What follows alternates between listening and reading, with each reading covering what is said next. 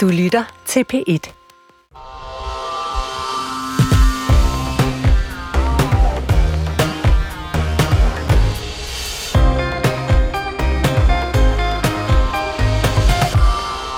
Jeg må være ærlig at sige, at jeg endnu ikke har mødt mange forældre, der sådan er rigtig glade for Aula.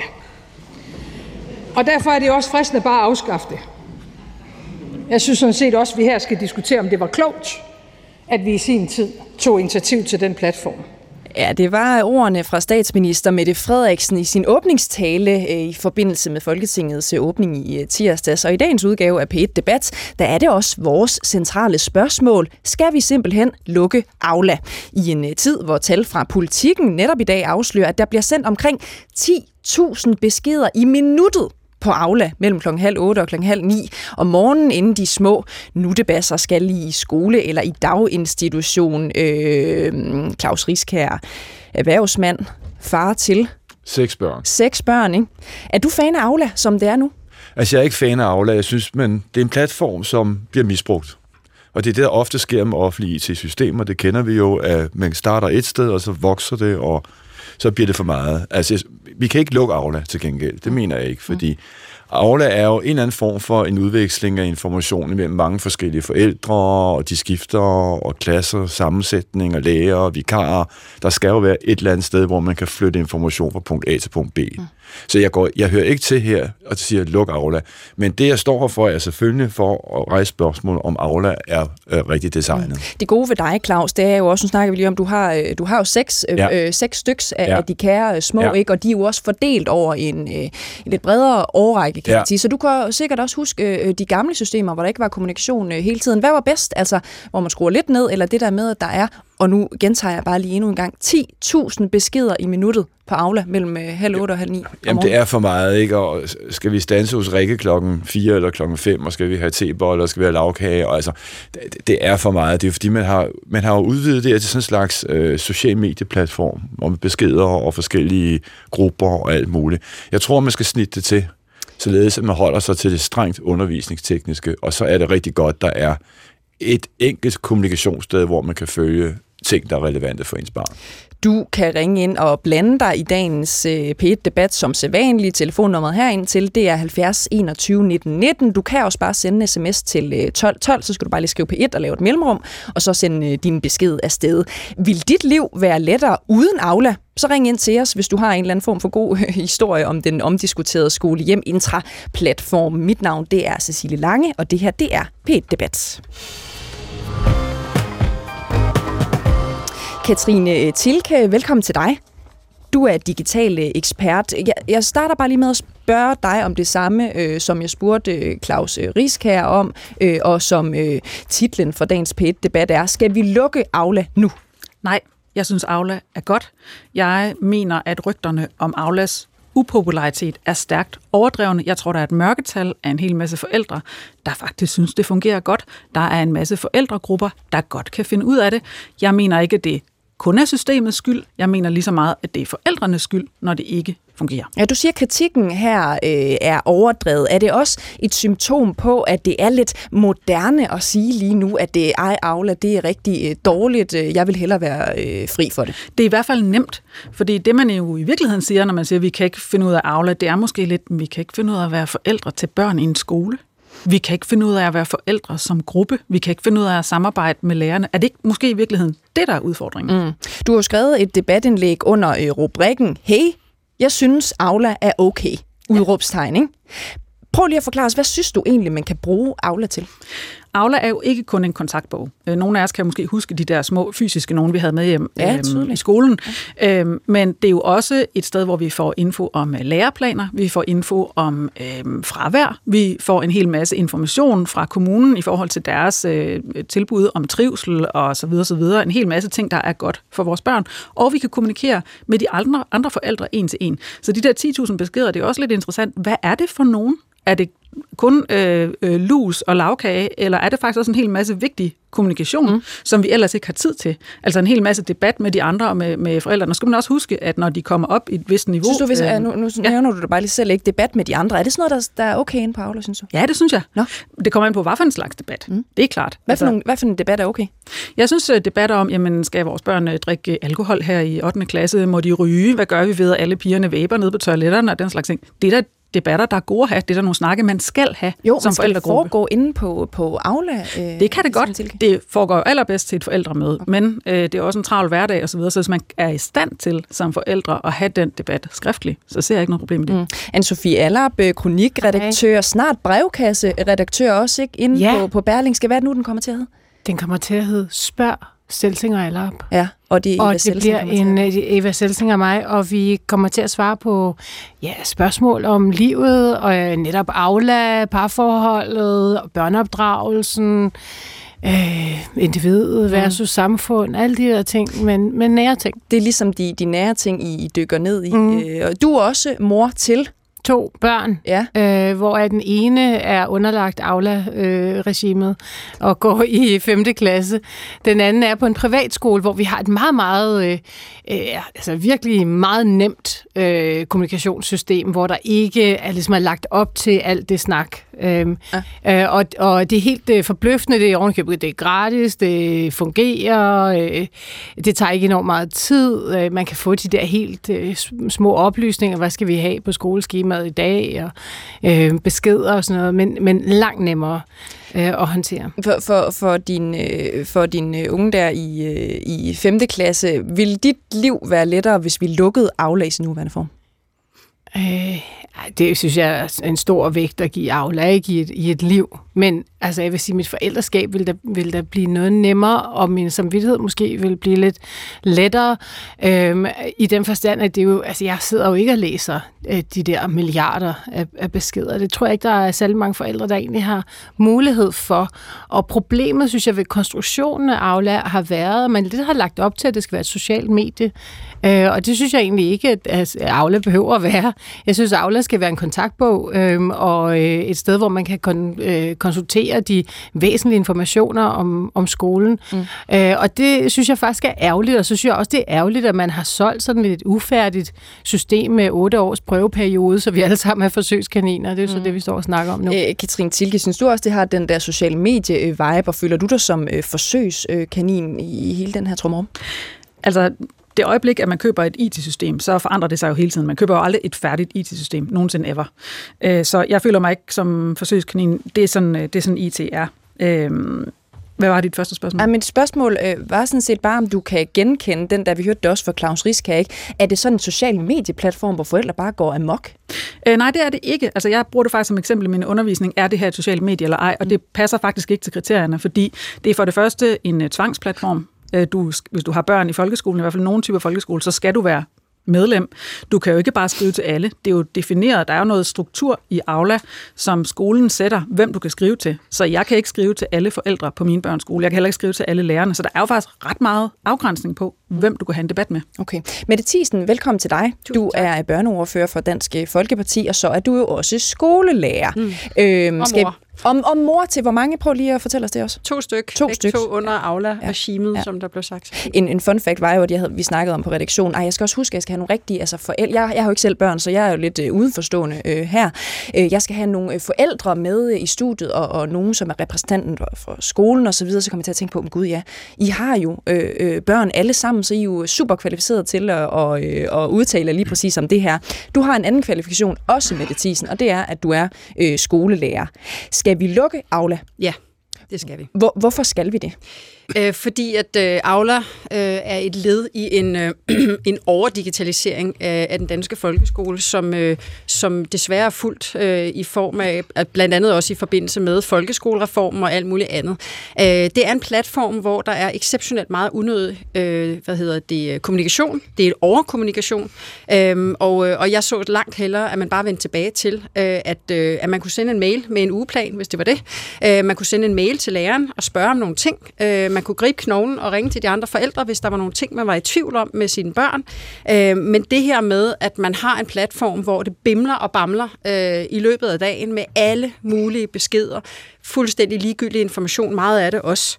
Øh, det mener sådan set, at vi skal væk fra. Mm. Jeg så også meget gerne, at vi fjernede alt, hvad der hed MiBook, Min Uddannelse osv.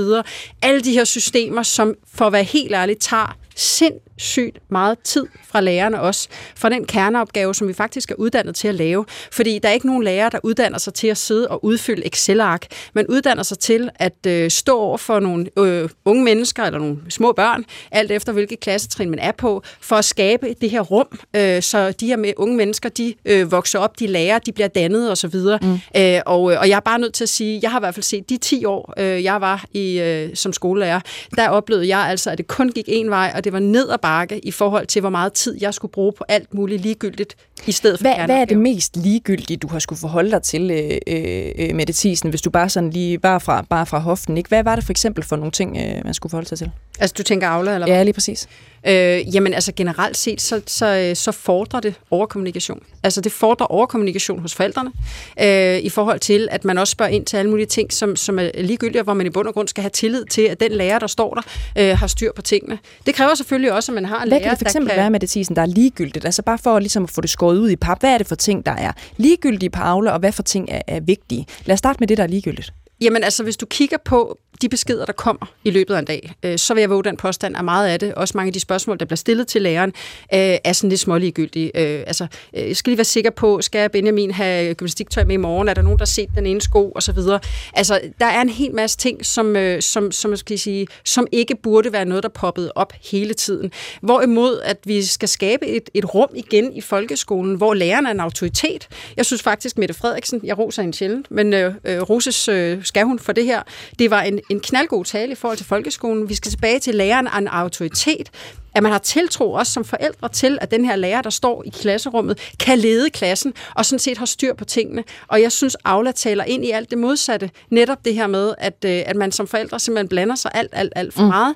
Øh, og, øh, og med den platform, som vi har i dag, der fordrer det nemlig overkommunikation. Og jeg synes ikke, det er hensigtsmæssigt. Og jeg synes slet ikke, det er hensigtsmæssigt heller, at man som lærer bruger en hel masse tid på ligegyldig dokumentation og byråkrati og Excel-ark, i stedet for kerneopgaven, som er at undervise de her dejlige unge mennesker. 70 21 19 19, det er det nummer, du skal ringe på, hvis du vil blande dig i den her øh, debat. Er du fan af Aula øh, 70 21 19 19? Du kan også bare sende en sms til 12 12. Skal du bare lige skrive på 1, lave et mellemrum, og så øh, sende din besked afsted. I får lige den første sms, øh, som er tækket ind øh, til os. Det passer ikke, men det er en sms, vi har øh, nøje udvalgt. Den kommer fra Maria, der har øh, skrevet ind til os.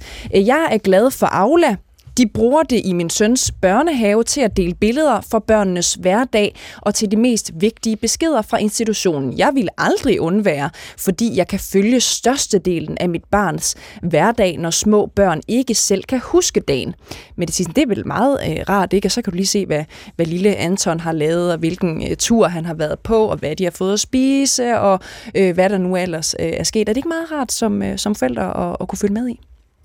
Jo, altså man kunne også få en mail med nogle billeder, men jeg er bare nødt til at sige også, øh, som forældre, der også selv har, øh, hvad skal man sige, øh, har været inde i systemet øh, øh, med det her, og er det stadigvæk i øvrigt, øh, jeg tror også bare, at det er et spørgsmål om, altså jeg har faktisk tiltro til, at de dygtige pædagoger, der havde øh, mine børn, dengang de var i den alder, at øh, de lavede nogle hyggelige ting. Så kunne man komme over og hente sine børn, øh, uden at stå og glo ned i mobilen, komme over og hente sine børn, tale med pædagogerne og sige, hvad har I lavet i dag? Gud, hvor fantastisk, så prøver vi at se, om vi kan få en samtale over aftensmaden over.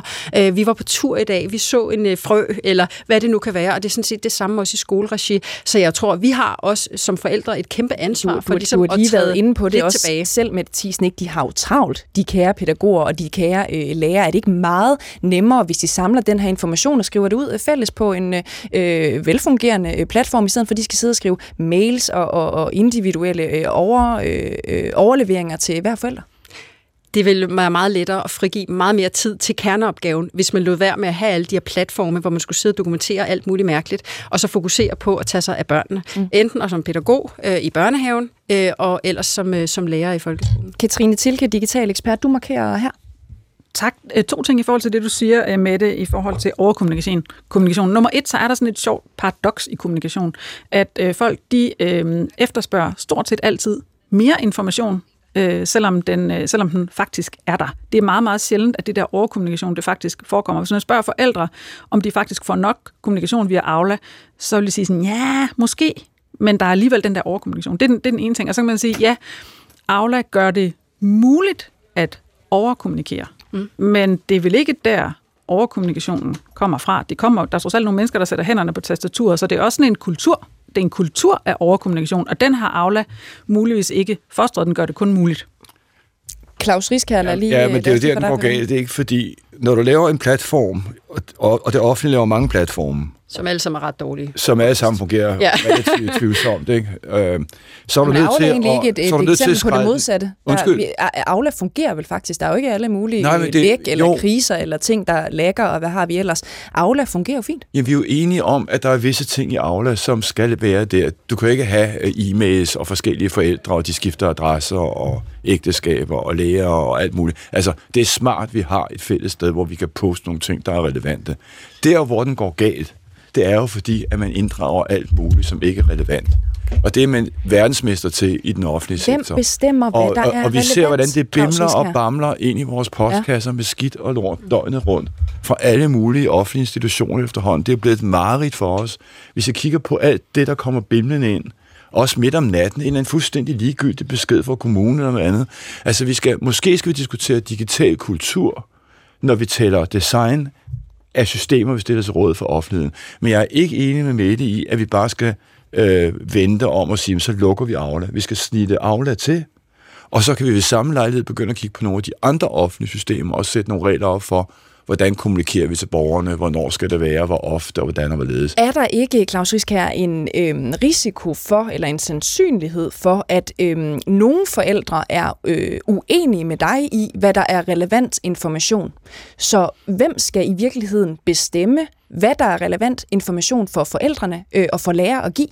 Jamen, det er jo fordi, du har lavet den her blanding af et social network og, øh, skal vi sige, undervisningsrelevant kommunikation. Jamen, det siger Katrine Tilke så, som er digital ekspert. Ja, jo, men det er meget fint, at digital koncert. Øh, Hun siger, ekspert. det er ikke et socialt øh, medie. Nej, nej, det opfylder det, simpelthen nej, ikke kriterierne. Det er muligt, det ikke gør det, men i virkelighedens verden, så fungerer det jo sådan, altså du har alle mulige postings, der normalt vil blive set i forskellige diskussionsgrupper, du har på nettet. Og på nettet vil du nogle gange, eller ret ofte, vil du faktisk have en administrator, hvis du tager mange af de her nyhedsgrupper, også Facebook-grupper og sådan så er der en administrator, der sidder og siger, hvad skal postes, hvad skal ikke postes. Det har vi jo heller ikke her. Så man kan sige, det er en stor øh, kørebane, der bliver åbnet op, hvor der kommer alt for meget ud, og det ødelægger, og, og det gør jo det, at du risikerer at miste de vigtige ting. Altså, det er jo det, der er problemet, okay. når du får en information overload, så lukker folk ned. Og jeg tror, det var Katrine, der sagde til mig herude, nu skal jeg ikke begynde at tage dine citater, jeg tror, du sagde inden udsendelsen, at var det 51 procent af fædre, der ikke lukkede på Aula. Var det det, du sagde? Ja, det var det, jeg sagde. Og hvis det er rigtigt, så viser det jo måske lidt om, hvor det er vi er henne. Så dette, når vi laver offentlige informationssystemer, så skal vi gøre dem anvendelige for brugerne, fokuseret på et helt bestemt formål. Undskyld, hvad, hvad læser du ud af det der med de 51 procent af fædre, som ikke øh, logger ind? Jamen, jeg tror simpelthen, det er, inform- det er information overload, simpelthen, fordi det er jo ikke, sådan, der, ikke, det er jo ikke sådan, at deres børn ikke interesserer dem. Det er det jo ikke. Altså, det, det, det, deres børn interesserer dem, men det interesserer dem måske ikke, øh, når de slår notifikationer til, og så lander alting altså i deres indbakke. Og, og det er jo der, problemet muligvis opstår. Godt. Øh, lad os lige prøve at hoppe til dig, øh, Rasmus Edelberg. Du er formand for Foreningen Skole og øh, Forældre. Du får lige det centrale spørgsmål. Skal vi lukke Aula? Øh, nej, vi diskuterede det jo for to år siden, da trivs, øh, hvad hedder det, stresspanelet der kom. Jeg tror, der var Nette Prehn, der sagde, luk Aula, og så var ligesom, det debatterede vi så i et halvt år, og blev enige med hinanden om, at vi havde nok brug for et eller andet IT-system til at holde styr på skriftlige beskeder. Øh, det er den moderne verden, vi lever i, og det ville være mærkeligt, hvis folkeskolen var undtaget for det. Øh, men det vi skal gøre, det er noget af det, der er blevet nævnt. Altså, vi skal selvfølgelig have det ind, vi skal have nogle fælles principper. Man har aldrig lavet en organisatorisk implementering af det her. Man har aldrig forberedt den kulturelle modtagelse af systemet. Mm. jeg er måske en lille smule uenig i, at, at øh, det her IT-system ikke er med til at fostre en kultur, når det sænker barrieren så meget, som det gør, for hvor nemt det er at forstyrre hinanden. Og der er jeg også nødt til at sige, at det går begge veje. Altså, det, det kan godt være, at forældrene nogle gange spørger, hvor gummistøvlerne, men nu er det jo bare vigtigt at have ordentligt fodtøj på, hvis det regner for eksempel. Eller det er vigtigt at spise en madpakke, fordi hvis man ikke får noget mad, så er dagen dårlig. Men det går også den anden vej. Lærerne kan jo godt finde på at skrive, Hej, øh, 6. A's forældre, der var uro i klassen i dag, snak lige med jeres børn om det fint nok. Men så står man jo ligesom der, og statsministeren siger, at vi skal ikke lytte til vores børn, men det skal man jo. Øh, det gør vi også. Men hvad er det, man skal snakke med dem om? På hvilket grundlag? Var det dig, der gjorde det? Eller hvad har du ikke gjort? Eller, altså, hvad handler det her om? Okay. Så begynder man at spørge tilbage til lærerne og sige, altså, hvad er det, jeg skal snakke om? Var mit barn involveret eller ikke involveret? Fordi han, hun siger, det var nogle andre. Eller, altså, så, og pludselig, så kan du godt se en lille besked ud så kommer der 28 svar tilbage fra familierne, og så kører det selvfølgelig der, bum, derudad. Og lige snakker så, vi 10.000 så, så derfor er det ekstremt i, i vigtigt, at skolen har nogle principper og en politik for, hvordan man kommunikerer og samarbejder med forældrene. Og så skal man ned i et niveau, hvor man laver relationer og bygger tillid, i stedet for bare at udveksle skriftlige beskeder. Okay, du, du siger øh, også, at øh, vi lever i en moderne øh, verden, vi lever i en øh, digital øh, tidsalder. Selvfølgelig er det her den mest øh, smarte måde at gøre tingene på, men hvorfor egentlig det? Altså, hvorfor ikke gå tilbage til noget af det, som fungerede, en kontaktbog for eksempel? Hvorfor har vi brug for det her øh, øh, forum i det hele taget, hvor øh, forældre af alle mulige forskellige øh, karakterer øh, skriver ting til lærer og omvendt i øvrigt? Fordi at øh, skole og forældre skal samarbejde om børnenes øh, udvikling og dannelse og trivsel, mm. øh, og samarbejde handler om kommunikation. Og vi bruger jo bare øh, IT til at kommunikere i dag. Det gør vi også der. Du kunne stille samme spørgsmål. Hvorfor bruger vi det på arbejdspladsen? Hvorfor bruger vi det i vores privatliv? Hvorfor bruger vi det alle mulige andre steder? Det er fordi, det er hurtigt, smart og nemt. Mm. Anne-Sophie Allap, du øh, markerer. Nej, jeg markerede bare med det der med, med fædrene. Jeg tror altså, det er fordi, det er moren, der typisk har den. Det er hende, der sidder øh, søndag aften og læser igennem øh, alle de der forskellige øh, mails, der kommer fra i relation til børnene. Det er hende, der planlægger, og det er hende, der organiserer familien. Øhm, og i forvejen er vi ret presset, også forældre. Og jeg, jeg synes i virkeligheden, at staten har... Der er jo i det offentlige kommunikation, og det gælder også i vidt, vidt omfang øh, sko, øh, skolevæsenet. Man kommunikerer for at gøre reklame for sig selv. Man kommunikerer for at sige, at Nå, men nu har vi gjort sådan og sådan, og nu har vi plantet fire træer, og nu har vi gjort det, og skoleelevrådet siger sådan og sådan. Ja, fint nok, men det er ikke alle, der, der... Altså, man har ikke behov for al den kommunikation. Øhm, og øh, forældrene har travlt nok i forvejen med at, øh, at leve i det her samfund og betale deres regninger og øh, gå på arbejde, som nogle af de øh, forældre i hele Europa, der arbejder allermest. Altså, så, så vi, vi øh, jeg synes, at vi overbebyrder hinanden, og så giver det, så inviterer det. Der var en skoleleder, som øh, i Berlingske skrev en kronik, der var helt pragtfuld, hvor hun sagde, altså hun ønskede, at, man ville, at Aula ville lukke for chattråden mellem klokken 5 om eftermiddagen og 8 om morgenen. Øh, fordi at øh, så kom der ikke alle de der rødvinsbeskeder øh, øh, sent om aftenen og, og så videre. Og det er også en belastning for, øh, for skolelærerne. Altså, jeg synes virkelig, man skal gentænke øh, systemet. Og jeg synes, det er øh, helt sindssygt, at vi lukkede intra efter at stresskommissionen sagde, at, øh, at forældrene blev mega stressede, og så kommer, der med, øh, så kommer man op med noget, der er endnu værre på øh, alle parametre. Er Aula værre end, end intra? Okay. Meget, synes I også det, værre. Rasmus Edelberg og Katrine Tilke? Lad os starte hos dig. Øh, er øh, Aula øh, langt værre end det gode gamle intranet? Jeg kan ikke huske forældreintra, men jeg vil da lige sige i forhold til at, at lukke nogle bestemte features. Altså alle skolers Aula-implementering er jo konfigureret til den skole eller til den kommune, så det, de ser jo ikke ens ud. Vi har ikke alle sammen den samme oplevelse. Man kan på kommuneniveau og på skoleniveau lave sin egen konfiguration. Mm. Og så er der jo en anden ting, man også kan gøre, og det er jo der, hvor man jo også kan tage ansvar som forældregruppe, hvis man får for meget lus og lavkage på, øh, for, på Aula, så kunne man jo tage et forældremøde, hvor man siger, hvordan vil vi gerne bruge Aula i vores klasse? Det er jo faktisk relativt nemt at gøre. Okay. Lad os lige prøve at byde velkommen til lytter øh, Jakob, der har ringet ind til os. Øh, velkommen til dig, Jakob. Tak. Ved du hvad, jeg kan høre, du lige har en øh, radio. Jeg kan høre min egen ja, sprøde øh, ryst i baggrunden. Kan du ikke lige øh, slukke for den, øh, Jakob, og så ellers øh, øh, svare... Ja, så ellers svare på, øh, er der for meget øh, lus og lavkage på, øh, på Aula? Ja, det er der jo, men det er jo øh, dybest set ikke øh, øh, Aulas skyld, synes jeg. Jeg synes jo, det er... Jeg har fire børn på Aula, øh, og jeg har til mange forældremøder prøvet at flage, at man kunne måske undvære at sende madplaner, eller for den sags skyld øh, mange billeder af børne, børnehavens øh, gørne lavet hver dag på legepladsen, mm. og hvad der er sket, og de lange rapporter og sådan noget. Men jeg må bare erfare, at det er at vi er mindretal, os der ikke ønsker det her, det her, det her besked øh, flow. Altså alle de andre søde forældre, som for er søde og rare og kære, de er, ønsker typisk, øh, de vil ikke slippe de her madplaner. De, vil ikke, de, vil, de synes, det er vigtigt, at de har fået frikadeller eller falafler og de, de vil ikke slippe øh, den rapporten hver dag. Og, og hvad skal vi sige, os der flager, at, øh, at jamen, kan vi ikke bare, øh, altså intet nyt er godt nyt, og vi er dybest set skide ligeglade, hvad de får at spise, bare, bare de er med det. Mm. Øh, vi, vi er faktisk i undertal, så jeg mener, at egentlig mener jeg dybest set, det er en, det er en ændring, der skal ske hos, hjemme hos øh, forældrene. Mm. Og hvordan vi gør det, det ved jeg ikke. Det er svært. Men Jacob, jeg kan bare Jacob sige, øh, hvem ja. synes du egentlig er... Øh, nu, snakker, nu snakker vi også om det her med, hvem der fordrer hvilken kultur, og hvem der ligesom ligger op til, at der skal være så, så meget kommunikation på, på. Ikke? Hvem tror du egentlig er værst? Er det ligesom forældrene, eller er det lærerne, som overinformerer via Aula?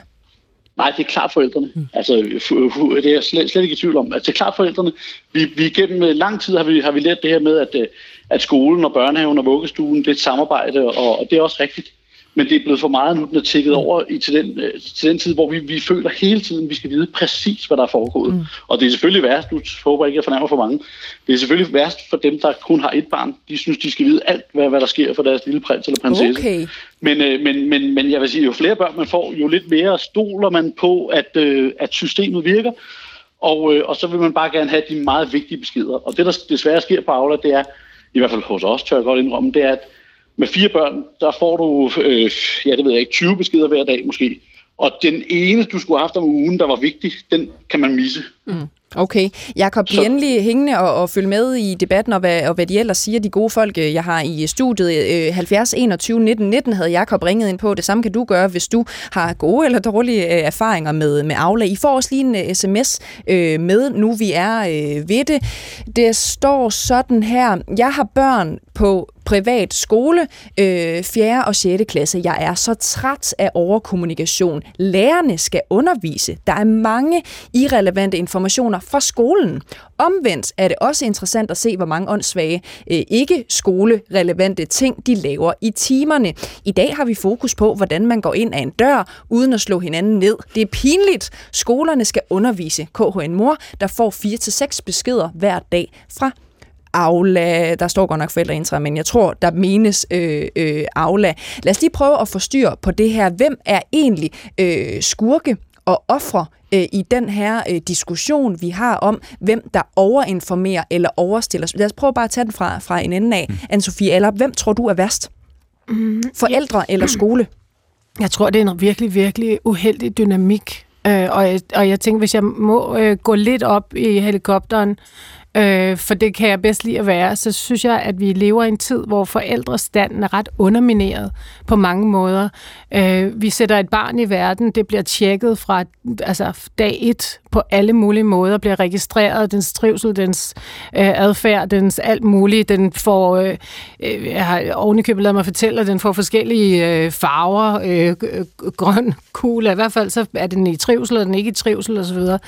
Og, og der, det implicite fra samfundet, det er, at hvis der er noget galt, så er det i hvert fald forældrene. Mm. Øhm, og, øhm, er du enig har, i det?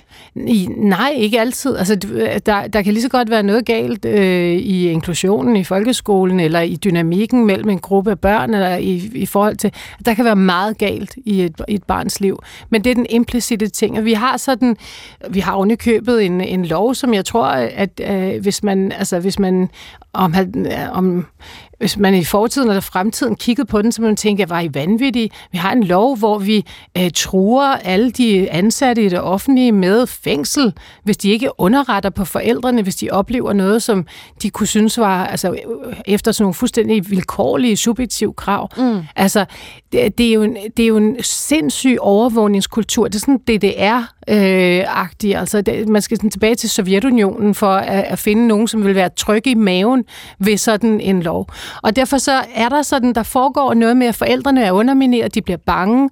Øh, skolen skal hele tiden ligesom være på deres, inde på deres øh, banehalvdel, og det er bare en frygtelig dårlig dynamik. Okay, der kom vi op i helikopteren, og ja, hvis vi så sorry. til gengæld lige kommer øh, ned igen, I må godt svare forholdsvis kort på det, om I tror, at det største problem sådan set ligger øh, ved, at forældre overkommunikerer, eller at øh, skole overkommunikerer. Lad os lige prøve at, at, at høre fra dig øh, først, Jacob.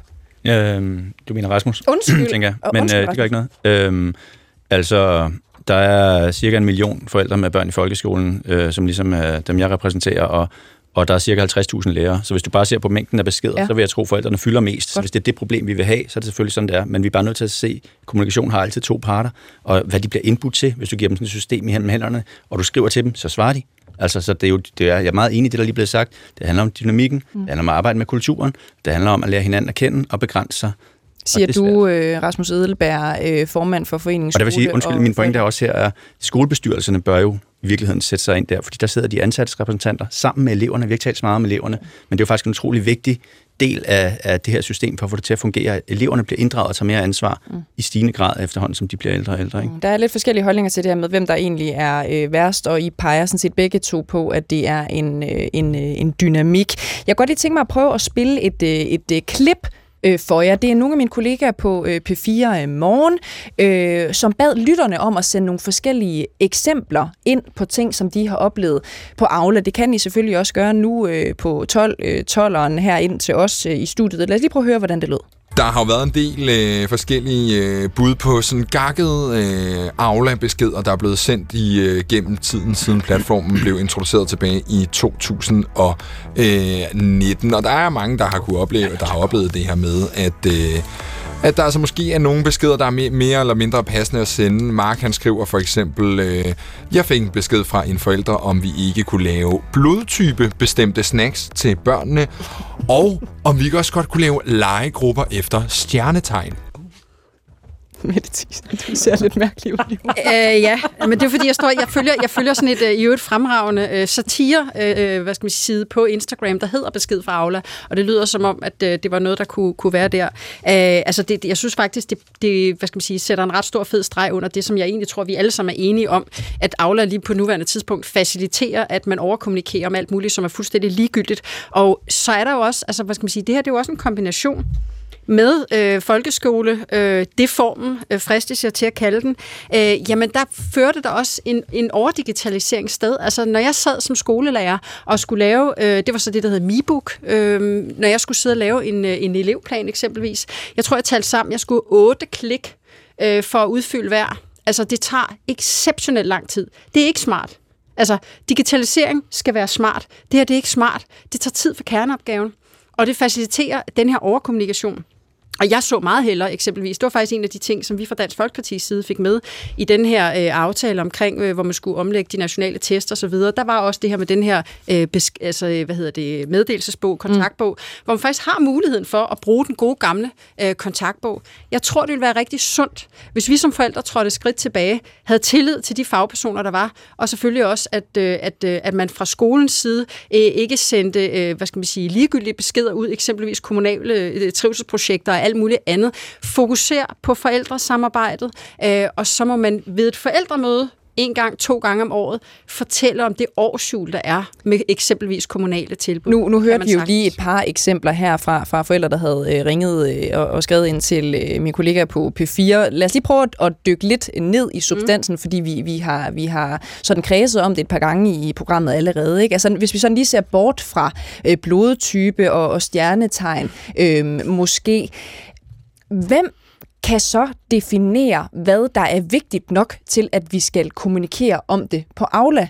Øhm, Lad os lige prøve at starte ved dig, øh, Katrine Tilke, fordi hvis man sådan lige, som sagt, skærer, blodtype fra, skærer stjernetegn fra, er det så ikke fair nok, at man har en eller anden form for diskussion om, hvad er gode snacks inde på Aula? Øh, hvad er gode øh, legegrupper? Øh, hvem passer godt sammen? Måske også, hvis man sidder med, med et barn, som øh, ikke har så let ved at få øh, venner, man øh, initierer øh, nogle større legegrupper eller lignende. Jo, det synes jeg er fair, og den diskussion kan man have ved et forældremøde, og man kan vælge at have den på Aula, og man kan som forældregruppe med lærerne aftale, hvor vil vi gerne have de forskellige dialoger hen. Jeg synes jo heller ikke, at man skal designe et IT-system efter det, man kalder edge cases. Altså, vi skal ikke, vi skal ikke designe et system, der forhindrer folk i... Hvad betyder og, det der edge cases? Jamen, det er det der med sådan, jamen, de ekstreme eksempler. Vi skal ikke designe for at for, for forhindre folk i at foreslå øh, stjernetegns øh, legegrupper. Altså, mm. det, det, de, de er jo tosset alligevel. Så, og det, kan, det fikser vi ikke med systemet. Så vi skal designe systemet efter det, der er majoritetens behov. Okay. Og et, tilbage til dit spørgsmål om, hvem er skurken? Altså, jeg, jeg tænker jo, at skurken er i virkeligheden forældrene, men det er ikke fordi, de nødvendigvis sender meget information ud, det er fordi, de efterspørger enormt meget information, og der peger på en anden relation, som er det der med forældre og børn. Børnene er måske nogle af dem, der underkommunikere, og det er jo så helt normalt. Prøv at høre, det er øh, børnene, der er skurkene. Er det det, vi kommer fra? Ja, det upopulære synspunkt bliver børnene, der skal Børnene taler ikke nok med deres forældre, man skal tale med sine forældre. Okay. Ja, øh, Claus Risk her, øh, hvor går grænsen? ikke? Altså, fordi er det ikke fair nok, at der bliver kommunikeret om, om øh, snacks? Det er jo meget op i tiden at gå op i, hvad er sunde snacks? Øh, øh, børn må ikke få, få sukker. Er der også nogen, der vil mene, det er stærk øh, modstander? Jo, det er jo fint, at øh, forældre kan skrive til hinanden one-to-one, altså bruge en platform, hvor de har forældrene i klassen og sådan noget, og kan sende med det. Så det skal vi egentlig ikke blande os særlig meget i, for det kan du jo bare svare tilbage, det gider jeg ikke øh, høre på, eller ja.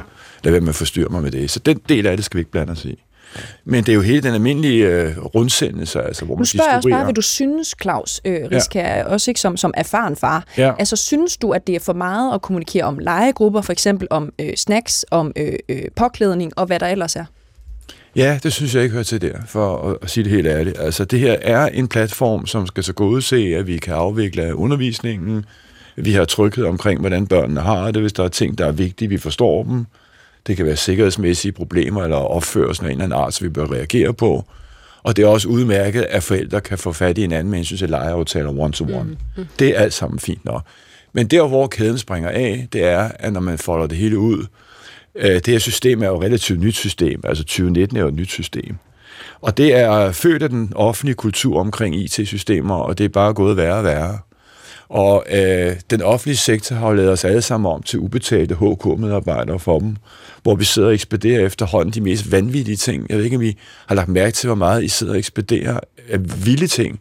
Nu kommer jeg ikke engang ind på bankerne, det kommer så oven i alt det her med, hvad man må og hvad man ikke må.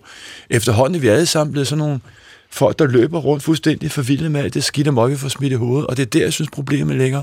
Vi må gå tilbage, og vi må gå ind og kigge på den digitale kultur i den offentlige sektor. Hvad er det? Altså standardoperationsprocedurer på det her system. Hvad skal det bruges til? Hvor ofte må det bruges? I hvilke tidsvinduer må det bruges?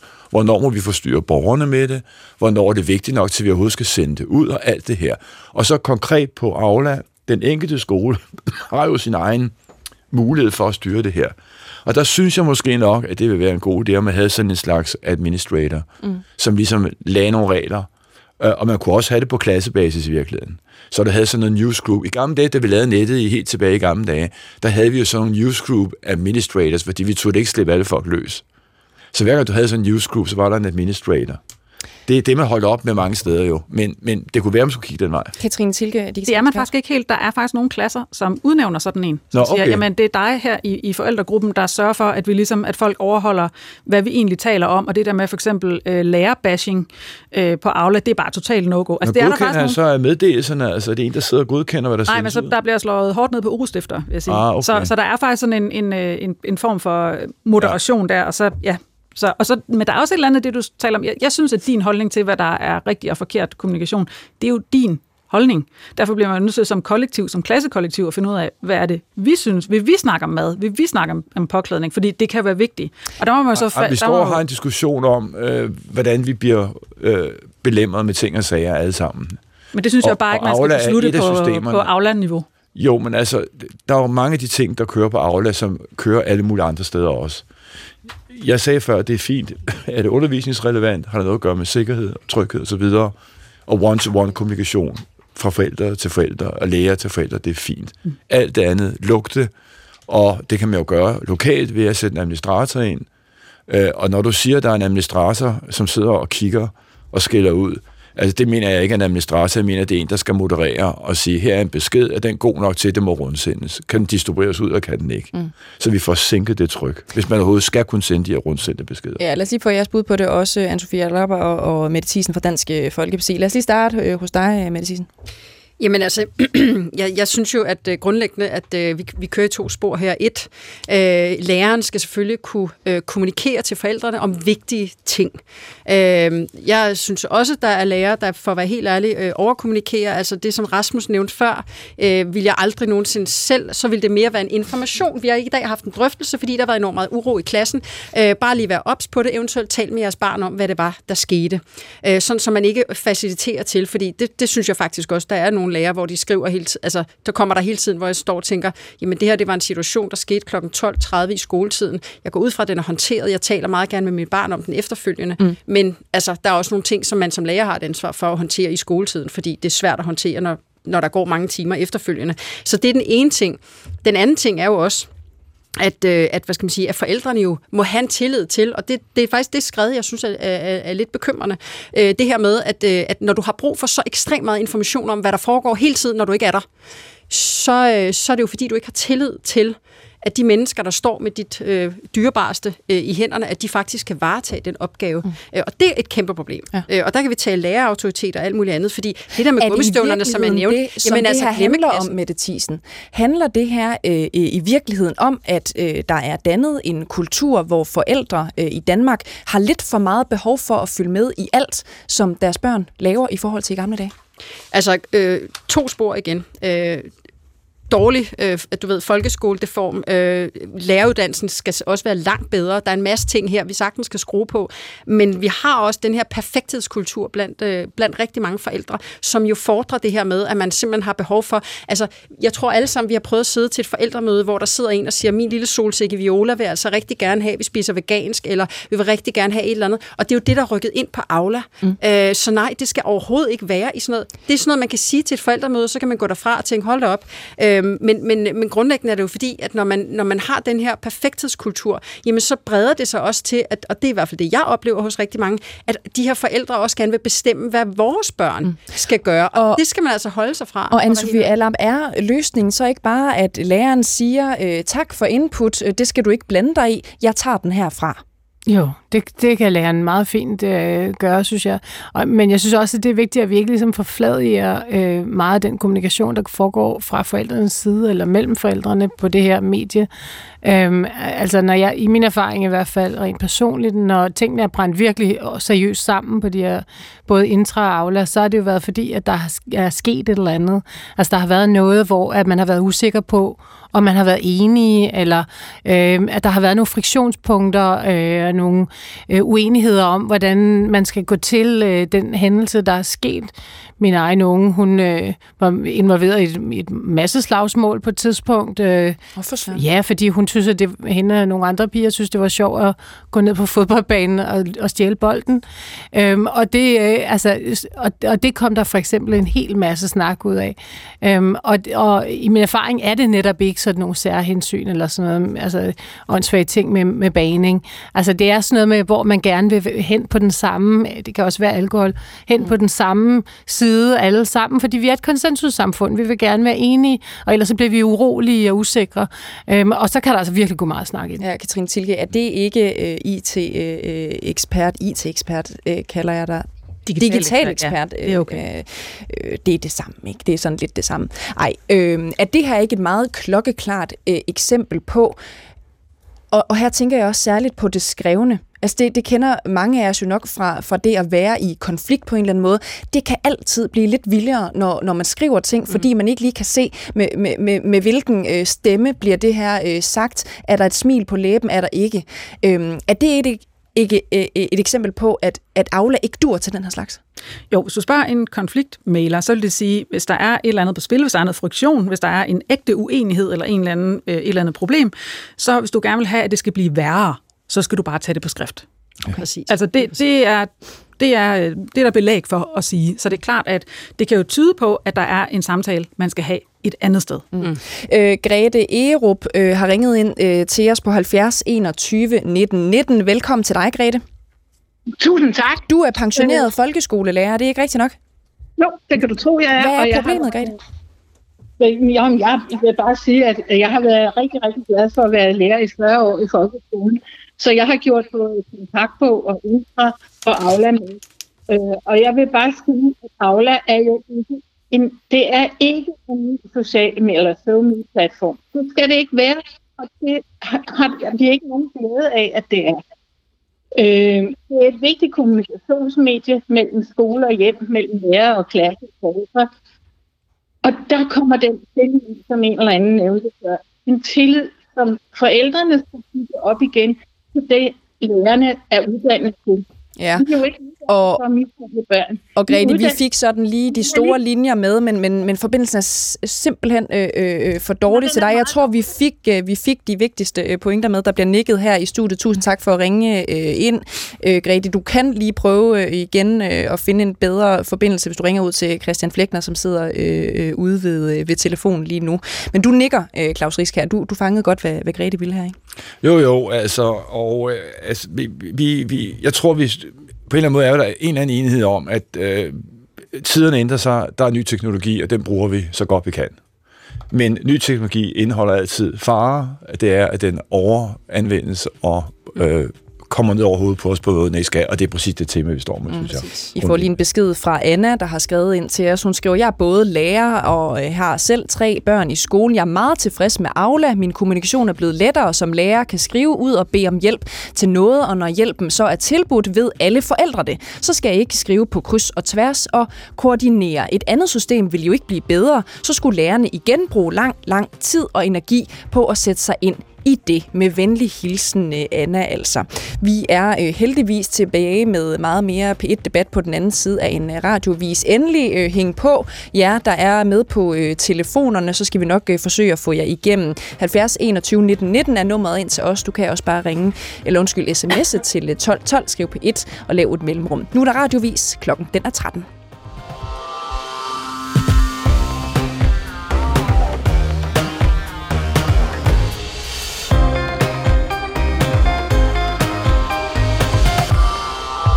Jeg må være ærlig at sige, at jeg endnu ikke har mødt mange forældre, der sådan er rigtig glade for Aula. Og derfor er det også fristende bare at afskaffe det.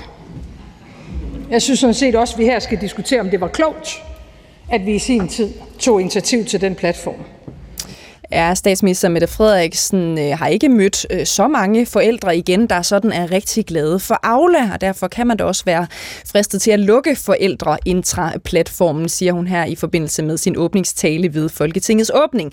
Ifølge politikken så bliver der sendt lige omkring 10.000 beskeder i minuttet på Aula om morgenen, inden de kære små skal øh, i skole eller i institution. I dagens øh, sidste del af P1-debat, der spørger vi, skal vi lukke Aula? Skal vi tilbage til kontaktbogen? Har kommunikationen simpelthen taget overhånd, eller er danske forældre bare meget engageret i deres børns ved og vel? Du kan ringe ind til os på 70 21 19 19 eller sms'e til 12 12, hvis du har input til øh, dagens debat. Har du gode eller dårlige, eller vilde måske bare erfaringer med Aula, så ring endelig ind til os og, øh, og fortæl din øh, historie. Jeg hedder Cecilie Lange, og det her det er P1 Debat. Og lad os bare begynde med at byde velkommen til dig, Jesper Kørts øh, Jensen, lektor i pædagogik og øh, forfatter. Var det rigtigt den måde, jeg udtalte dit øh, mellemnavn på? Det var i hvert fald et godt forsøg. Okay, men det er kort. Det er kort, ja. okay, på den fasong. Øhm, jeg ved jo, og det er også derfor, at vi har inviteret dig, at du kunne sådan set godt tænke dig øh, en folkebevægelse for mindre kommunikation over Aula. Ja, jeg vil endda sige, at jeg har startet en, men, øh, men det er jo en af de der folkebevægelser, der er kommet virkelig sløvt fra start, for vi er kun to medlemmer. Hvem er den anden? det, er, det er Marie fra, inden for Radio 4. Okay. Men, øh, men, men ellers så, ja, vi arbejder på sagen, men umiddelbart er der ikke sådan det store behov, og det skulle man jo ellers tro, der var. Hvordan, øh, okay, Mette Thiesen er tredje medlem. Hvordan melder man sig ind i folkebevægelsen øh, mod, øh, eller for mindre kommunikation, øh, Paula? Ja, det kan godt være, at vi skal have en plan for, hvordan man rent praktisk gør det. Det vil sikkert hjælpe på, på, på det. Ja. Altså, hvis jeg sådan skal tage en lille smule seriøsitet ind i det, så kan jeg sige, at det var jo egentlig noget, jeg skrev, fordi jeg synes, at, at det begyndte at være tankevækkende underligt, hvor mange notifikationer jeg fik fra Aula. Og når jeg så gik ind og kiggede sådan på indholdet og substansen i dem, så tænkte jeg, hvor var der dog mange af dem, jeg sagtens kunne have undværet i mit liv, og hvor er det dog utroligt, at vi har den trang til at, at, at fremstille så meget kommunikation og dele så meget kommunikation med hinanden. Og så, så, det, så det udsprang af, af en helt konkret frustration over, at der tikkede så mange notifikationer ind. Hvad, hvad kunne det for eksempel være? Kan du ikke prøve at give os sådan et rigtigt eksempel på noget, hvor du tænker, det er simpelthen for skørt? Jo, men det, det kan være for eksempel øh, sådan nogle ugeplaner for, for, for den klub, hvor min ene søn går. At, at der kommer ugeplaner for, hvad de laver i klubben, og de kommer jævnligt. Og, og det tænker jeg, jamen det, kan, det står også på en stor plakat dernede. Det kan man tage ned og kigge på, og min søn er så stor, det kan han sagtens læse, hvis han selv vil. Det synes jeg er fjollet. Og så er det også sådan noget med, med de der lister, der kommer, hvis, hvis der skal være begivenheder. Så, så mange beskeder lyder noget, øh, sådan i stil med, jeg kan godt, jeg kommer også, vi kommer også, jeg kan godt. Den slags beskeder, dem, dem kan jeg godt. Øh, når jeg har læst et par stykker, så behøver jeg ikke flere af dem. Men und, undskyld, jeg spørger, og, og, og jeg har også proklameret over for de andre. Jeg, jeg befinder mig ikke på Aula, for jeg har ikke øh, nogen børn, så det vil være lidt øh, mærkeligt. Øhm, men er det ikke også øh, et øhm, nu skal jeg passe på, hvad jeg siger, symptom for øh, noget, som også sker på Facebook for eksempel, som bare handler om voksne mennesker, som overkommunikerer og sender rigtig mange øh, emojis øh, afsted? Jo, og det synes jeg da ikke gør det super meget bedre. Okay, men, men hvorfor er det så særligt øh, Aula, du er efter i, i den her kontekst? Det er fordi, at Aula, det er noget, vi ligesom alle sammen er tvunget til at, at være en del af, fordi vi øh, har børn i folkeskolen. Og der, alle skal være, skal være der, alle skal være til stede. Det er sådan, vi har valgt, at vi kommunikerer med hinanden. Og derfor så er det ikke en, øh, det er ikke en, en fest, man selv vælger, om man vil være en del af man skal være der, og derfor er det så afgørende, at vi taler med hinanden om, hvordan man kommunikerer hensigtsmæssigt derinde. Mm. Du skriver øh, i et øh, debatindlæg i Politiken, pyt med, at jeg ikke ved, hvad mit øh, barn laver hen i børnehaven, pyt med, at hans elefanthue er blevet væk, pyt med, at der kommer alt for mange pizzaer i buffeten, pyt med, at det kun var fem, der mødte op til rundbold nede i parken. Hvorfor mm. går du ikke øh, op i de der forskellige ting, øh, Jesper Kurz øh, Jensen? Det er fordi, jeg tror på, at vi skal have respekt for andres og hinandens øh, tidsforbrug. Jeg tror, at vi bliver nødt til at, at se på, at tid er en knap ressource, og vi har en tendens til at gøre hinanden enormt stresset med ting, som et eller andet sted er unødvendigt. Hvis vi for eksempel lavede sådan nogle, sådan nogle uforpligtende arrangementer, hvor man bare mødte op, og hvor man tog det med, man havde lyst til, og hvor man gik hjem, når man havde lyst til det, så kunne det faktisk være, at det blev forbundet med glæde, og det blev noget, noget rart, noget man skulle, så man gik og glæde sig til, fordi man tænkte, det kræver ikke noget, det er dejligt, og vi gør det sgu, hvis det lige passer, og hvis det ikke regner, så gør vi det ikke, fordi så bliver det nok aflyst. Mm. Så hvis vi alle sammen slapper lidt af og prøver at, at tænke, jeg har fundet glæde og noget overskud ind i det, og lad være med at lave det så kompliceret, så man faktisk har lyst til at deltage. Mm, lige om lidt byder vi velkommen øh, øh, til Maria øh, Ørskov Akselvold, sociolog og Ph.D., og som altså beskæftiger sig med skole, hjem, samarbejde og forældreskab, en af de kloge, kloge hjerner på, på det her område lige om et kort øjeblik. Men, men øh, vi siger altså først lige velkommen til Hans, en lytter, der har ringet ind til os på 70 21 19 19. Velkommen til dig, Hans. Tak skal du have. Hvad synes du om Aula? Øh, jeg synes, det er et vildt effektivt redskab til beskeder, og det er også et fantastisk redskab, hvis du vil eskalere en konflikt. Så det er sådan lidt det bedste af begge øh, verdener, øh, Hans. Er du overvejende positiv over for det, eller er du overvejende øh, negativ? Synes det har for store øh, konsekvenser, eller hvad? Jamen, til det første, at kommunikere simple beskeder, der er det jo fint. Til det andet, hvis man skulle have den helt syge intention, at man vil eskalere en konflikt, stifte en brand, gøre noget, som er rigtig, rigtig skidt, så skal man også bruge Aula eller et andet socialt medie. Det, det, vi arbejder med det øh, i noget, vi kalder styrket forældrekontakt, hvor vi prøver at forklare og lære og arbejde med lærere og med pædagoger om, hvordan man skal håndtere beklagelser eller klager fra forældre. Mm og gøre det på en måde, hvor man finder løsninger, og gøre det med noget, vi kalder løsningssind. Okay. Og der skal man bestemt ikke bruge Aula. Der skal man finde en telefon, mm. ringe, tale med hinanden, eller aftale et møde, hvor man taler sammen, stille og roligt, ansigt til ansigt. Mm. Det, det, lyder... det er helt forfærdeligt, ja. og det er så dokumenteret. Alt, hvad man ved om konfliktmæling og om konflikter, der er sociale medier helt forfærdelige. Mm. Øh, det er jo et rigtig godt øh, øh, indspark, øh, Hans, og der bliver også nikket øh, fra visse her i, i, i studiet. Hæng endelig på, og, fra, fra visse deltagere ja. af, i studiet i dag. Hæng endelig på og, og, øh, og ja, følg med i, hvad, hvad, hvad der bliver svaret. Ikke? Øh, velkommen til dig, Maria Ørskov øh, Aksenvold. Du er sociolog, og du er øh, Ph.D. Du beskæftiger dig som sagt med skole-hjem-samarbejde og, og forældreskabet. Det vi diskuterer i dag, det er jo også, at simpelthen på tide, som Mette Frederiksen også er fristet til, siger hun øh, i sin åbningstale, at lukke Aula. Er det nu? Mm, nej, jeg tror ikke, det er endnu. Øhm, det kan det være, det bliver på et tidspunkt. Men jeg synes ikke, vi har forsøgt nok faktisk for at bruge øh, Aula klogere øh, før vi beslutter, om det er på tide at lukke det, fordi der er mange øh, både lavt hængende og, og højt hængende frugter, vi kan, vi kan plukke, og som vi ikke har gjort endnu. Og vi mangler nogle spilleregler, no, øh, nogle bedre rammer. Øh, vi skal have lavet om på den her kultur, som jo øh, er flyttet med fra forældre ind, så vi skal huske, at det her har eksisteret i 20 år faktisk.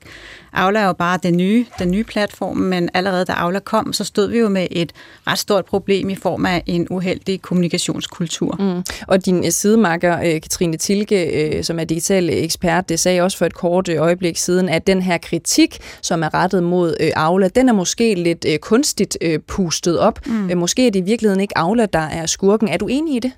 Ja, det er jeg faktisk, og jeg tror ikke, det handler så meget om platformen, øh, selvom der helt klart også er muligheder for at skære den til, så den bliver bedre. Jeg tror, det handler rigtig meget om den kultur, der allerede var der, og som var øh, allerede ude af kontrol Mm. Øhm, vi har været inde på det tidligere. Hvem er skurken? Er det, er det forældrene, som er simpelthen er øh, overengageret i deres børns ved og vel? Er det lærerne, der overinformerer? Øhm, jeg vil også gerne have dit bud på det. Altså, mm. at danske forældre er blevet sådan lidt kukuk overengageret i deres børn, og er det ligesom årsagen til, at øhm, der er så voldsomt mange beskeder? Ja og nej. Altså, nu sad jeg og lyttede lidt med før, og der kunne jeg ligesom høre, at der var mange, der peger på, at det er forældrene, der skriver alt for meget. Så sidder jeg og tænker, i, i den forskning, jeg har lavet, der er jo kigget på det historisk. Øhm, og, og, og når du kigger på det på den måde, så kan du jo se, at det her er ikke noget, der er opstået, fordi forældrene gerne vil have det. Altså først fik vi forældreintra parret med en politisk ambition om at inddrage forældrene mere og øge forældreansvaret. Så her kommer teknologien og hjælper de politiske ambitioner på vej. Og det er altså det, der har sat skub i, det, i den kultur, vi har i dag. Så i mange år har man sagt til forældrene, jo mere I involverer jer i skolen, øh, jo bedre forældre er I. Det er blevet sådan meget en markør for det gode forældreskab. Og nu gør de det, Øhm, og så det er også galt. Og vil du egentlig ikke, for det er spændende, vil du ikke lige skære det ud i pap øh, for os, for dem, der måske ikke har fulgt sådan skolepolitik øh, meget tæt. Hvornår og hvordan øh, kom det ligesom øh, i stand, at man øh, opfordrede forældre til at engagere sig mere i, i, i børnene og i skolen for eksempel? Altså, der er mange, der er enige om, at dengang vi fik PISA-chokket i starten af nullerne, at det var sådan katalysatoren for mere forældreinvolvering. Der får man fra statens side virkelig øje på forældrene som Og PISA-chokket, det, det var jo den gang, hvor man fandt ud af, at vores øh, ja kære skolebørn, de er jo måske ikke helt så øh, vidunderligt skarpe, som vi gik og, og troede. Ikke? Lige præcis. Og så der blev man meget sådan orienteret, øh, hvad, hvad kan vi gøre for at, at, at løfte det her, og man får øje på forældrene. Øh, og der kan vi simpelthen se, at det tager til med øh, forældreinvolvering. Man i tale sætter forældre på en ny måde som medspillere og usynlige klassekammerater og som ressourcer. Så man har opfordret til det her øh, i mange år. Så jeg synes, vi skal huske, hvor det, hvor det kommer fra, når vi taler om, hvem der er skurken øh, i det her. Så staten eller politikerne har også været med til at gøre forældreinvolvering i skolen til en del af det gode forældreskab. Så jeg tror, når mange øh, bliver overivrige og sender alle mulige unødvendige beskeder, så handler det faktisk om, at de prøver at være gode forældre, sådan som de har opsnappet, at man er det i mm. dag. Så, så når vi har stået og diskuteret lidt, hvem er egentlig øh, skurken? Er det forældrene, eller er det lærerne? Så siger du i virkeligheden, det er politikerne, som øh, i hvert fald har igangsat det her monster. Ja, politikerne og, og folkeskolen, og derfor har jeg også i mange år faktisk efterspurgt, at der vil komme en eller anden politisk udmelding, at man forholder sig lidt til det her høje niveau af forældreinvolvering, vi har fået i folkeskolen, hvad, hvad enten det er hytteture og forældrefester eller Aula. Mm. Øh, så jeg synes, det var fint, at Mette Frederiksen øh, tog det op. Jeg synes bare, det var ærgerligt, at hun... Øh, placeret aben hos forældrene. Okay, fordi det er i virkeligheden at politikerne, øh, Mette Thiesen, som, øh, som har en stor del af ansvaret for, at det er, som det er. Kan du se dig helt fri for, for ansvar og det der med at opfordre til øh, forældre, øh, forældreengagement i, i skolen? Altså, jeg vil give dig fuldstændig ret i forhold til, at øh, politikere har et kæmpe ansvar på at lave øh, reform på reform af folkeskolen. Altså, øh, bare som, øh, jeg, jeg kan så ikke sige mig, altså i starten der gik jeg ud i gymnasiet. Øh, men, men hvad hedder det... Øh, men det er bare for at sige, at, at ja, man har et kæmpe ansvar som politiker. Øh, og, øh, og der var jo også en periode, hvor, det ved jeg jo også selv, min mor er også skolelærer, øh, jeg er også skolelærer, hvor man tænkte, at hver gang der kom en ny regering, jamen, så skulle der laves en reformering af øh, den danske folkeskole. Det, jeg tror, der er et rigtig stort problem i det her øh, med overkommunikation, så kan vi stå og drøfte for eller imod Aula. Jeg er meget lidt begejstret for den måde, det er bygget op, og hele det her sociale medie. Mm. Blandt andet også i forhold til, altså hvis der har været en konflikt i skolen, øh, så vil jeg til enhver tid som lærer ringe til de relevante forældre, tage en snak, eller hvad involverer alle mulige andre. Øh, det er irrelevant. Men vi kobler også børnene af. Altså, vi kobler børnene af øh, i noget, som du fuldstændig rigtigt siger, øh, i, i forhold til det her med, jamen, de har også et ansvar. Jeg kan huske, da jeg startede som lærer, der talte vi meget om, at de skulle have deres egen lektiebog. Mm. Fordi det var vigtigt, at de fik skrevet ned, der stod på tavlen, du har matematik side det og det for, eller dansk, du skal læse så og så meget. Skriv det ned i lektiebogen, så har, lærer vi børnene at have et personligt ansvar for at tage hjem til forældrene og fortælle, jeg har lektier for til i morgen. Vi har koblet børnene fuldstændig af, og det synes jeg er et problem, fordi så kommer der altså nogle små mennesker ud på den anden side, som ikke, øh, skal man sige, selv på samme måde tager ansvar for noget ret grundlæggende, okay. nemlig det øh, blandt andet at kunne passe sin skole, øh, stå op om morgenen, alle de her forskellige ting. Det er, er, det, er Katrine Tilke, øh, digital ekspert, er det rigtigt? Det er, øh, det kan jeg ikke vurdere, men jeg ved, at når man kommer i udskolingen, så kommer man jo på Aula. Øh, så det vil sige, der har man faktisk øh, det, du efterlyser der, det her med, jamen, øh, i min søns klasse, der forventer øh, lærerne, at øh, eleverne de selv går på Aula og finder ud af, hvad de har fået. Det er faktisk ikke mit ansvar. Det skal de selv gøre. Så vi er på Aula med vores børn. Det er min store søn også. Og på, på, på godt og ondt, og jeg kan sige, at i forhold til det med overkommunikation, det er i hvert fald ikke ungerne, der spammer os på, på Aula, fordi de, de har en helt anden bevidsthed i forhold til synlighed af, hvad de skriver, og hvordan det bliver læst og sådan noget. Der er de jo en helt anden generation. Mm. Øhm, så der er ikke så mange emojis der. Øh, Jesper Kurtz øh, Jensen, øh, lektor i pædagogik og forfatter. Hvornår er det, vurderer du, at man som forældre måske lige skal stoppe et øjeblik og tænke, behøver jeg sende det her afsted? Det er ofte, og det, øh, og det er fordi, at øh, jeg har lyst til at tage jer med ind i sådan en, en, en lærers maskinrum. Fordi jeg arbejder jo rigtig meget med, med, med, med folkeskolen til hverdag. Og, øh, og en, en, en lærers hverdag fungerer sådan, at man skal forestille sig, det er ligesom at blive kastet ind i sådan en stor centrifuge. Og så sker der alle mulige ting med en, når man er forskellige steder. Så er der nogen, der kommer og prikker en på skulderen, og så er der nogen, der siger, du skal lige huske det, og så er der sundhedsplejersken, mm. og så er der, og du skal jo være opmærksom på, på torsdag, der er ikke nogen elever i den ene klasse, fordi de er på tur. Øh, og så, og så så kommer der hele tiden sådan en strøm af informationer i løbet af en skoledag, som man skal forholde sig til, samtidig med, at man også skal kopiere, og samtidig med, at man også skal huske at spise en madpakke og sådan noget. Så sådan er øh, lærerens hverdag. Og så skal man forestille sig, at der er 26 lektioner i gennemsnit på en uge, som skal forberedes. Og der er ikke noget tid til at gøre det, fordi den, blev fjernet, det, den tid blev fjernet ved den sidste reform. Så når man endelig har tid, så er det, man sætter sig ned, og så siger man, nu skal vi lige øh, først have lige svaret på det på Aula, og så ser man, oha, der var ni beskeder på Aula, og så gør man det. For man har ikke andre steder at tage den tid fra. Og det er altså der, hvor man skal sidde og lave undervisning og planlægge de næste 26 lektioner. Og det er derfor, det er så vigtigt, at lærere får et indblik, nej, at forældre får et indblik i, hvordan lærerens øh, øh, arbejdsliv er skruet sammen, for så forstår de, at hver gang de sender en besked, selvom det bare handler om en jakke, så betyder det, at den pædagogiske, virkelig velmenende lærer skal tage sig tid til at svare, og måske skal tænke over den jakke, og måske skal gå ud og lede efter den jakke, eller skal et eller andet. Og så, går man, så bruger man noget arbejdstid, som, som er dyrbart, fordi det skal faktisk bruges til at forberede. Og der er mm. næsten ikke noget forberedelsestid. Så hvis forældre de vil være, øh, gøre lærerne en kæmpe tjeneste, så prøvede de at tænke over, at alt, hvad de kan undgå at sende afsted, det skal de undgå. Og så skal de prøve selv at gå ned og se, om de kan finde den jakke. Fordi læreren simpelthen ikke har tid. Ja, ja. Fordi læreren simpelthen ikke har tid til okay. at forberede lektioner. Nu, nu, nu taler vi også om, at har været inde på det tidligere, at vi skal finde øh, øh respekten øh, frem, øh, vi skal øh, anerkende autoriteten hos en lærer osv. Men undskyld mig, hvis man som lærer ikke kan finde ud af at sige, øh, nej forældre, det skal jeg ikke bruge min tid på, fortjener de så overhovedet øh, den anerkendelse? Men prøv at høre, der er i den her verden, der skal man også bare forstå, der er simpelthen så meget kærlighed. Forældre er, øh, lærere er fuldstændig vilde med deres elever, forældre er fuldstændig vilde med deres børn. Så det er sådan et meget kærligt rum, hvor vi rigtig gerne vil hinanden hele tiden. Og derfor så kommer vi nogle gange til at overkommunikere lidt med hinanden. Og det er mm. derfor, jeg synes, det ville være så fedt, hvis forældrene fik mere blik for, hvor travlt man egentlig har som lærer. Hvorfor kan lærerne ikke bare sige fra? Fordi det er svært, og man vil gerne, og man har travlt, og det ene og det andet. Og nogle gange så er det nemmere lige at sende en afsted. Men altså, der er der også noget at hente der. Jo, det er da klart. Tilbage, hvis, hvis, hvis lærer tilbage, blev... Jesper, det, det, det til mit spørgsmål. Ikke? Ja. Øhm, hvis man som lærer ikke kan finde ud af at sige fra over for det her, fortjener man så den øh, respekt, og at være, blive anerkendt som den autoritet, øh, Mette Thiesen mener, at øh, vi skal tilbage til at anerkende læreren som? Jeg tror, at hvis, hvis mennesker prøvede at være lærer i 14 dage, ligesom Pia Kærsgaard prøvede engang, så vil de pludselig forstå, hvad det er, det her det indeholder. Jeg tror ikke, det her det kan klares alene ved, ved, ved øh, via den her snak om Aula. Det stikker langt, langt, langt dybere, men det er da klart, at lærerne kan da også blive bedre til at sige, sådan her vil vi gerne kommunikeres med. Det er sådan her, vi gerne vil bruge Aula. Mm. Helt sikkert. Så røg fingrene i vejret. Lad os bare tage dem fra en, øh, fra en ende af. Øh, vi starter hos dig, Katrine Tilke, digital ekspert. Jeg har bare lige brug for at komme med en, en modhistorie til, til lærerhistorien, som jeg godt kan genkende. Jeg er så kun lærer for voksne, så, men det er faktisk lidt det samme. Mm. Øh, hvad hedder det? I min søns klasse, der er vi faktisk så heldige, at det problem, problem, I alle sammen beskriver her, det har vi slet ikke. Jeg kan slet ikke genkende det problem. Vi får simpelthen ikke ret mange beskeder på Aula. Punktum. Det, det, altså, I min søns klasse, det er simpelthen, altså, det, det sker ikke. Altså, det er lus og lavkage. Det Okay. sker ikke. Øh, vi får en, en mail fra klasselæreren en gang om ugen, og så får vi måske en eller to mere. That's it. Så det er bare lige for en modhistorie for, at jeg, er helt sikker på, at det, I beskriver, det findes, og det findes i mange klasser. Men der sker også andre ting. Det er også muligt at få styr på det der. Godt, Maria Ørskov Axel, hvor du markerer også. Jamen, det var lige en kommentar til det der med, at, øh, at man skal tænke over, hvordan det er at være lærer, og der vil jeg sige, det er, det er jeg fuldstændig enig i.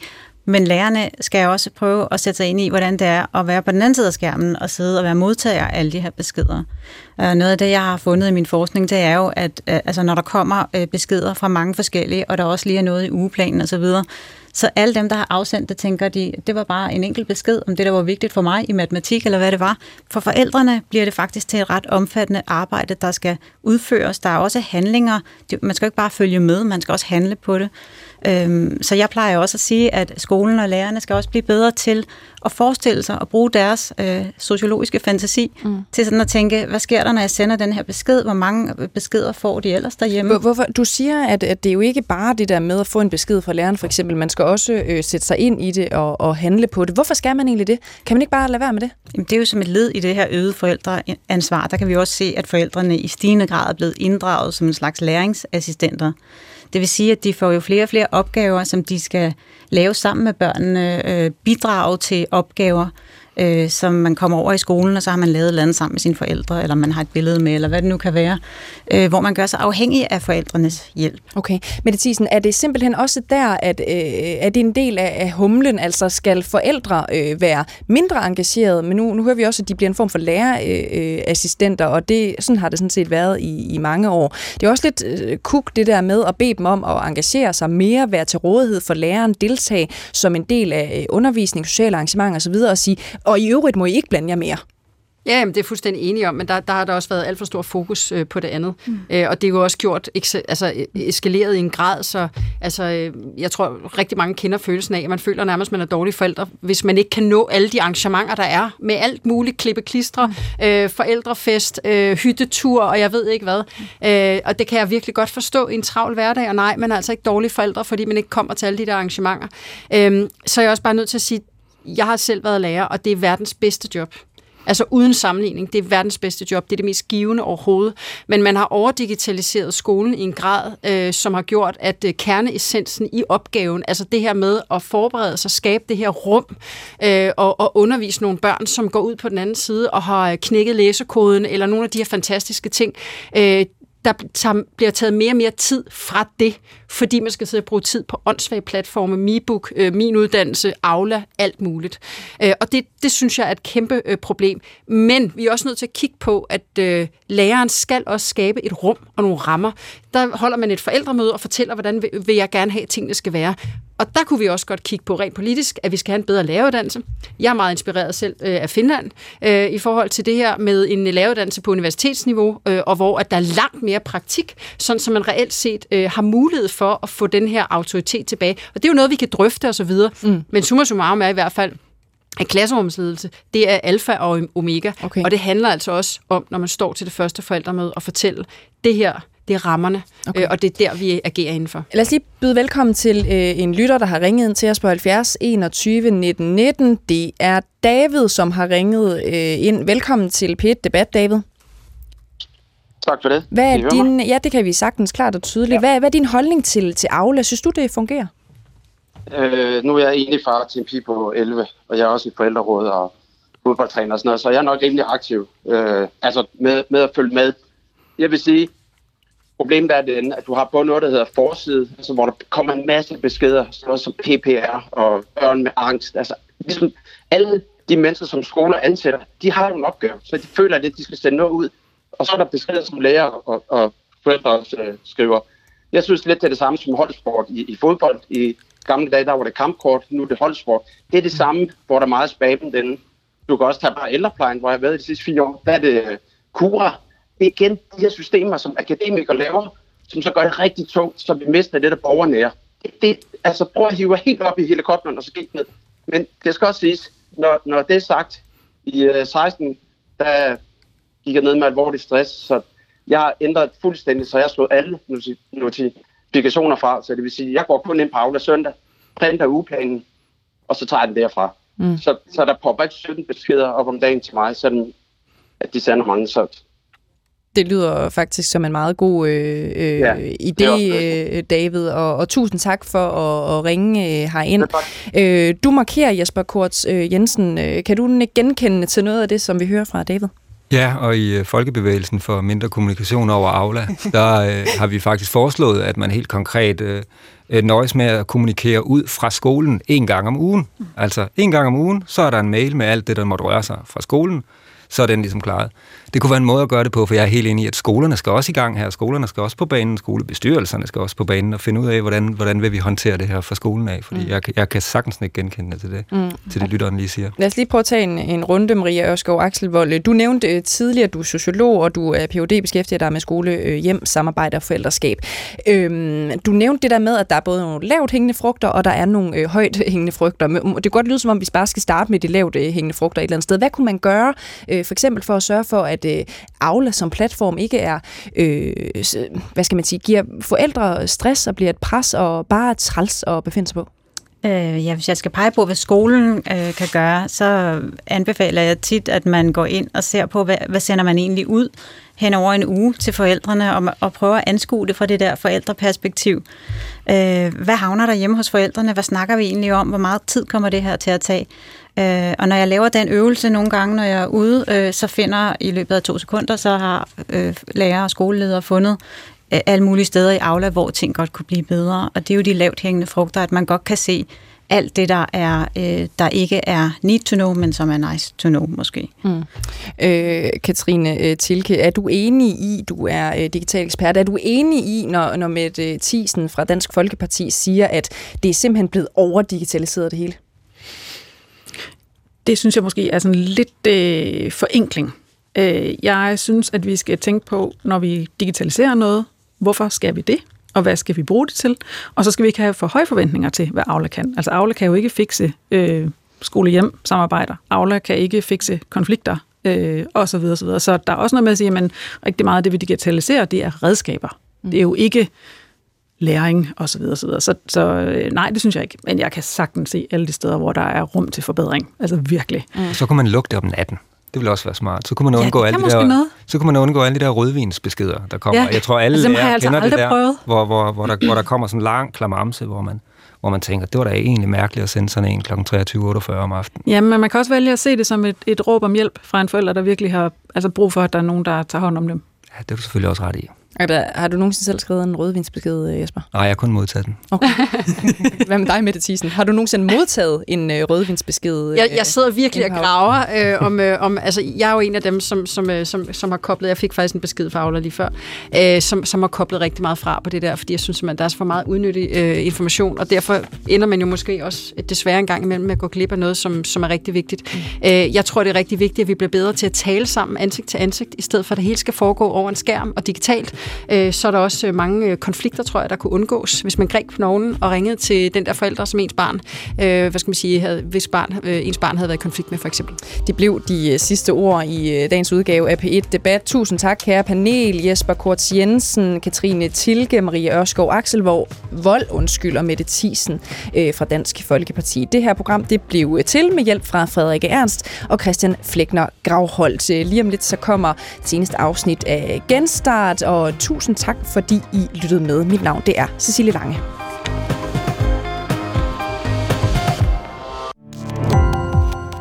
Gå på opdagelse i alle DR's podcast og radioprogrammer. I appen DR Lyd.